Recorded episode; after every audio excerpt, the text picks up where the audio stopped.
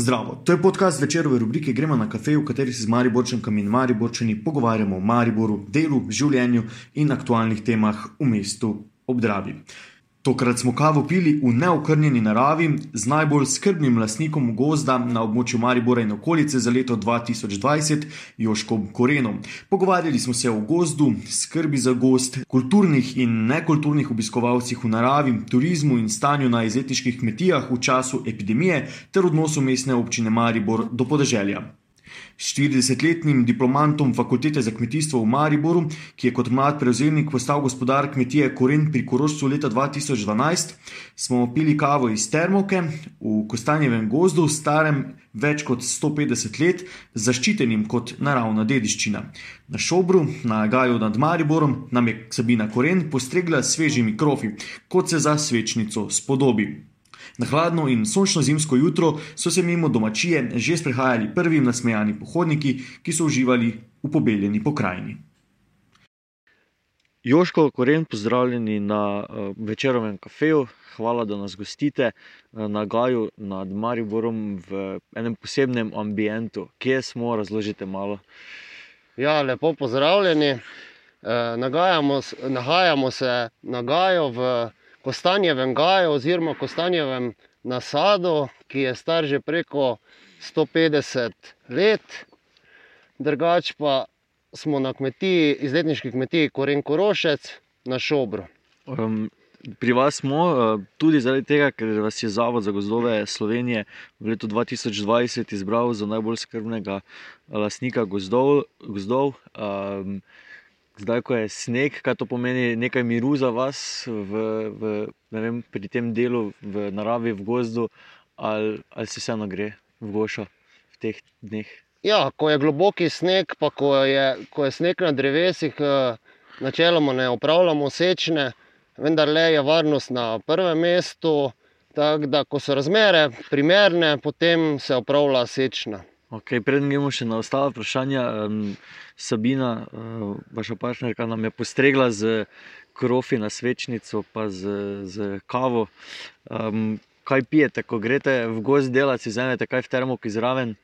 Ja, vsekakor kakšen čaj, uh, obavezno nekaj. Tekočine, tudi prava gozdarska malica, mora biti zraven, seveda pa brez alkohola, ker uh, delo v gozdu je vendarle zelo nevarno in uh, je treba biti uh, popolnoma skoncentriran in tudi strokoven. Kot smo zdaj že povedali, ste dobili nagrado za urejen, lep gost. Kaj to pomeni, zakaj morate skrbeti, da je gost takšen in da ste potem dobili tudi to nagrado? To je nagrada uh, gozdarske stroke, seveda pa mi smo vedno z revirnim gozdarjem, gospodom Matjažom Vreclom, vedno na vezi, pri vsaki sečni se skupaj odločamo, skupaj načrtujemo sečno, ali so to redne sečne, ali pa tudi eh, recimo te sanacijske sečne po kakih žledolomih, eh, eh, v napadih Lubadarja oziroma podlubnika. Tako da to je oceni gozdarska stroka. Je pa pomembno, da vzdržujemo uh, gozni red, da so vlake urejene uh, in da tudi po končani sečni uh, opravimo vsa dela. Vi ste v teh, ki tu nagajajo, je malo bolj ravno, vseeno pa so tu gozdovi, ker na nevarnih, strmih pobočjih. Rekli ste, da je treba skrbeti za varnost, kaj to pomeni. Pomeni, da moraš, tu, da moraš imeti vso zaščitno opremo, uh, vso gozdarsko opremo in da uh, moraš to upravljati z premislekom in strokovni, strokovnim znanjem. Um, zdaj, ko je bil sneg težki, vmes, eh, to je slaba stvar za vas, ne? ker veste, da bo kar nekaj dela potem spomladi ne? pri ja. čiščenju gozdov. Ja, zdaj zadnja sneženja, ko so bila, je bilo dokaj južen, težek sneg, ki je, vse, ki je vsekakor napravil nekaj škode po gozdu, predvsem mladje, eh, je polomljeno, tako da nas eh, zdaj čaka kar delo in sanacija teh stvari. Od 24 hektarjev vašega posestva je kar 15 hektarjev gozda. Ne? Kaj to pomeni za prihodke vaše kmetije? Je to osrednja panoga um, služite tudi z prodajo lesa, kako bi se spravljate les, je za vašo porabo, grejo cepance v prodajo. Ja, uh, ja, 15 hektarjev gozda se mogoče sliši dost, ampak uh, to nam ne pomeni uh, osnovnega prihodka. Uh, mi ta les v osnovi porabimo za obnovo kmetije, uh, nekaj za prodajo, nekaj pa tudi za korjavo, za drva. Uh, Ja, rekli smo že, da je 15 hektarjev ni dosti. Zakaj? Zato, ker verjetno gozdar ne more podreti kar vsega, kar ne, želi. V bistvu sekate to, kar je za odveč ne, v, v samem Tako, gozdu. Na naši kmetiji že iz roda v rod delamo trajnostno z gozdovi, tako da so res vse sečne eh, načrtovane in že točno za vsak hlod se ve, kam bo šel ali bo šel v prodajo, ali bo šel za obnovo lesenih delov na kmetiji.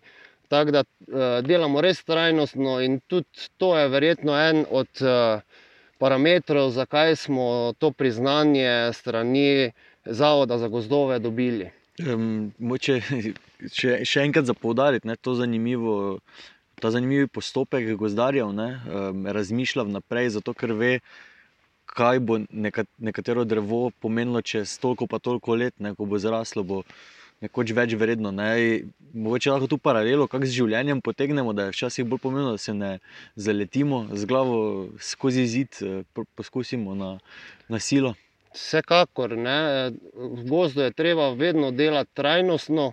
Tudi mi smo v lanskem letu uh, po sanaciji podlubnika eh, posadili eh, 800 dreves, od tega je bilo 600 gorskega javorja in eh, 200 sadik eh, divje češnje. Tako da smo tudi eh, kar lep del gozda eh, pogozdili, na novo posadili in seveda tudi zaščitili. To je predvsem namenjeno potem res kot trajnostno za naslednje rodove. Eh, tako da Katero drevo bi rekli, da nagajo kraljuje ali pa v teh naših kozjaških koncih, eh, katero je tisto, ki ga najraje tudi vržete kot poleno v peč?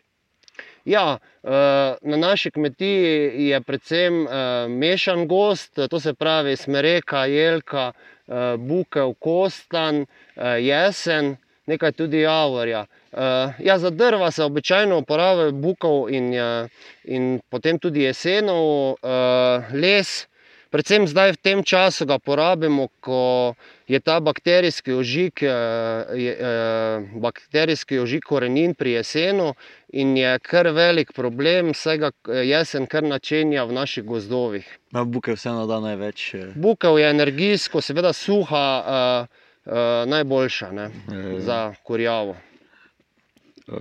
v gozdovih verjetno srečujete tudi um, dosti drugih živih biti. Kakšen, v kakšnem odnosu ste z divjadjo, z, z ostalimi? Um, ja. Prvo se bomo lotili živali, potem pa še tistih drugih, ki obiščejo gost. No. Ja. Uh, ja, v teh gozdih je kar precej jelenjadi. Eh, potem na našem predelu je kar velik problem v zadnjih letih, povzroča divji prašič, ki dela tudi zelo veliko škodo, ampak ne samo, eh, ne samo v gozdu, ampak tudi na ostalih kmetijskih površinah, eh, kot so trajni travniki, njive, polja. Dela kar velike škode, predvsem na njivah, kjer je posejena koruza tako da se na tem območju gaja in seveda širše, eh, kakor tudi teh više ležečih kmetijih, eh, polščine kar umikajo. Eh, tako da je to kar en velik problem, kajti sami lovci ne uspejo spostaviti v skladu seveda z naravo to ravnotežje. Um, škodo v gozdovih povzročajo, povzročamo tudi pohodniki, predvsem tisti, ki se v, bistvu v gozdu ne vedajo tako, kot bi se morali. Upazite, kaj ne vem, zdaj verjetno med delom, verjetno ljudi takrat ni v gozdu, ampak vseeno verjamem, da kdaj pa kdaj poberete tudi kakšno smet za komne. Ja, uh, predvsem je to, ko, nava, ko, ko rastejo gobe, ko so ti navali gobarjev, potem ko so kostanji. Uh, je kar veliko obiska v gozdovih, in moram reči, da ljudje se ne obnašajo dobro, smeti puščajo za sabo. Ne rekel, da vsi, ampak kar dosti smeti tudi mi vsako leto počistimo v gozdu in seveda odnesemo v smetnjake. Ste kaj opazili letos, pa lani, no, ko je ta korona, da je malo, malo več obiska? Ljudje so hodili na pohorje, na kozjak. Ja, v našem kraju je marsikateri Mariborčan oziroma iz okoliških krajev so na novo odkrili tudi ta gaj nad Mariborom in je glede teh pohodnikov kot tudi celih družin, obisk gozdov in samih kmetijskih površin bil neprimerno večji, ne, saj si vsi pač želijo iti v naravo. Tako da ja, s tem pa tudi seveda, ne, ostane več odpadkov v naravi. In jaz vendarle pravim, da bi mogli se ravnati kot planinci v gorah, da za sabo odnesejo te smeti nazaj v dolino. Sicer pa so dobrodošli, ne, v naravi. Vsekakor, vsekakor, tudi kmetije se stalno bolj odpiramo gostom, turistom, pohodnikom, predvsem naša kmetija na tem področju že dolga leta pač delamo na tem izletniškem turizmu, na gostih, tako da. Ja, ste zdaj izletniško kmetijo, kaj pomeni zaprtje? Zdaj že traja kar nekaj časa, vmes je bilo poletje, pa je bilo odprto, ampak vseeno verjetno tudi en udarec za kmetije, ki delate samooskrbno, ne, ki v bistvu pridelujete tudi vse, kar tu postrežete na, na lastnem domu. Ja, za našo kmetijo, ki je, rekel, več kot samooskrbna, ne, saj viške prodamo našim gostom oziroma kupcem, je to kar hud udarec. Res pa je, da ne sedimo križem rok in čakamo, poslužujemo se pač drugih dovoljenih prodajnih poti, kot so prevzem blaga na domu in tudi dostava. Seveda v skladu z vsemi temi priporočili NIJZ-ja. So ljudje v zadnjih letih ugotovili, ne, da je tak način turizma dodana vrednost v okolici mest? Ste to mogoče spoznali? Ja, v zadnjem času je predvsem opaziti, da vse bolj mlajša generacija, mlajše družine iščejo lokalne izdelke s kmetij, saj so vendarle opazili, da je tudi kvaliteta drugačna in da tudi cena ni toliko večja napram te industrijske hrane, kar pa je samo dobro. Veliko je pripomogla tudi sama promocija, kupujmo domače, kupujmo pri sosedu, lokalno. Tako da v tej smeri moram reči, da je tudi mogoče ta epidemija dobro za nas kmete oziroma za te, ki smo več kot samooskrbni in želimo tržiti doma oziroma v v lokalnem okolju. Vi ste bili pred leti mladi prevzemnik, ne, štirideset jih štejete, torej ste še vedno mladi kmet. Ste opazili, da je bila država ali pa da je država v bistvu naklonjena takim prevzemom? Je dovolj pomoči, bi si česa drugega tudi želeli? Ja, jaz sem leta dva tisoč dvanajst prevzel kmetijo od staršev, tako da tudi sam sem kandidiral na razpisu za mlade prevzemnike. Seveda si želimo še več pomoči, predvsem v smislu tega, da tudi te manjše oziroma srednje velike kmetije pridejo lahko do teh sredstev. Saj po večini so ti razpisi narejeni za velike zgodbe, kar pa te manjše kmetije enostavno po točkovanju ne pridejo zraven. Če se še dotaknemo države znova, ukvarjate se z lesom, s prodajo. O tem je bilo v preteklosti veliko povedanega, ne, o vrednosti samega slovenskega lesa, ki se velikokrat izvaža, pa potem dražje kupuje. Kako vi spremljate to dogajanje, se soočate s kakšnimi problemi? Ja, tako je, ne, trg pač, ponudba, povpraševanje pač dirigira cene in vse skupaj. Res pa je, da nas slovenske lastnike gozdov pač še vedno izvoz rešuje, enostavno v Sloveniji ne uspemo predelati vsega posekanega drevesja oziroma hlodov, tako da je to kar velik problem na nacionalni ravni. Morali bi delati več na tem, da bi naš les ostal doma, v naši državi, saj višjo kakovost izvažamo v tujino in potem uh, pol izdelke in izdelke uvažamo, kar pa seveda ni prav. Zdaj se nahajamo na obronkih mestne občine Maribor. Koliko mesta je, kaj čutite tu pri vas? Ja, mi smo podeželje, tako da uh, želeli bi si sigurno več uh, investicij strani občine v podeželje, predvsem v to osnovno infrastrukturo, komunalno infrastrukturo, kot so ceste in seveda javni vodovod. Ti projekti se uh, neprestano prelagajo in čas bi že bil, da bi tudi uh, v podeželje se vlagalo več. Uh, imamo predvsem zelo lepe zglede tu v sosednji Avstriji, neposrednji bližini, kjer uh, se ta obmejni del zelo razvija, oziroma je razvit in je na zelo visokem nivoju, in s tem tudi izredno zanimiv za tuje uh, goste in nastanitve. Um, rekli smo, da ima mesto Maribor prednost, da ima tudi podeželje, ne? tudi Gaj. Um, ko pridejo ljudje za vikend, pa čez teden sem, vas kaj ogovarjajo, ne vem, vas sprašujejo po kakih parcelah, vikend, prostorih tukaj. Je kako zanimanje tudi za takšne vrste migracije za vikend vsem? Ja, uh, naš kraj nima samo lepo ime kot Gaj, ampak uh, res uh, pokrajina je tu lepa, neokrjena narava in uh, moramo reči, da res eh, veliko ljudi si želi tu kupiti vsaj mal, mali delež, uh, delček zemlje, kjer bi si postavil kak vikend, kak vrt. Tako da uh, je popraševanje in moram reči, da nam mogoče celo drugi povejo, v kako lepem kraju smo doma. Tako da, ja. Uh, Omenili ste prej infrastrukturo, ne, pa da željo potem, da bi se urejala, da se stvari prelagajo. Pridejo kdaj odločevalci tudi v kraj, se kdaj z njimi pogovarjate, koliko je kaj krajovna skupnost, oziroma ja, tu je krajovna skupnost. Krajovna skupnost. Koliko je kaj vpeta v to odločanje na mestni ravni, ne vem, koliko vas kaj vprašajo, se pripelje, ne vem, kakšen svetnik, župan sem do vas, pa vpraša, kaj uh, bi tu še morali porihtati. Ja, vse uh, krajovna skupnost, moram reči, tudi naš predsednik, uh, Primoš Hedl, so aktivni, uh, seveda, ampak krajovna skupnost da samo neke predloge, neki plan, uh, vse pa spol odloča, vse na mestnem svetu. In uh, tu največkrat uh, zmanjka tako volje, kot konec koncev, verjetno tudi denarja.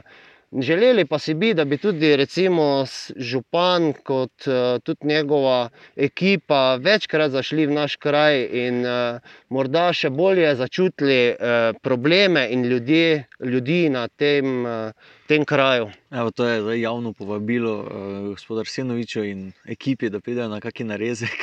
Vsekakor, in, dobrodošel, in... vedno. Tako da. Super.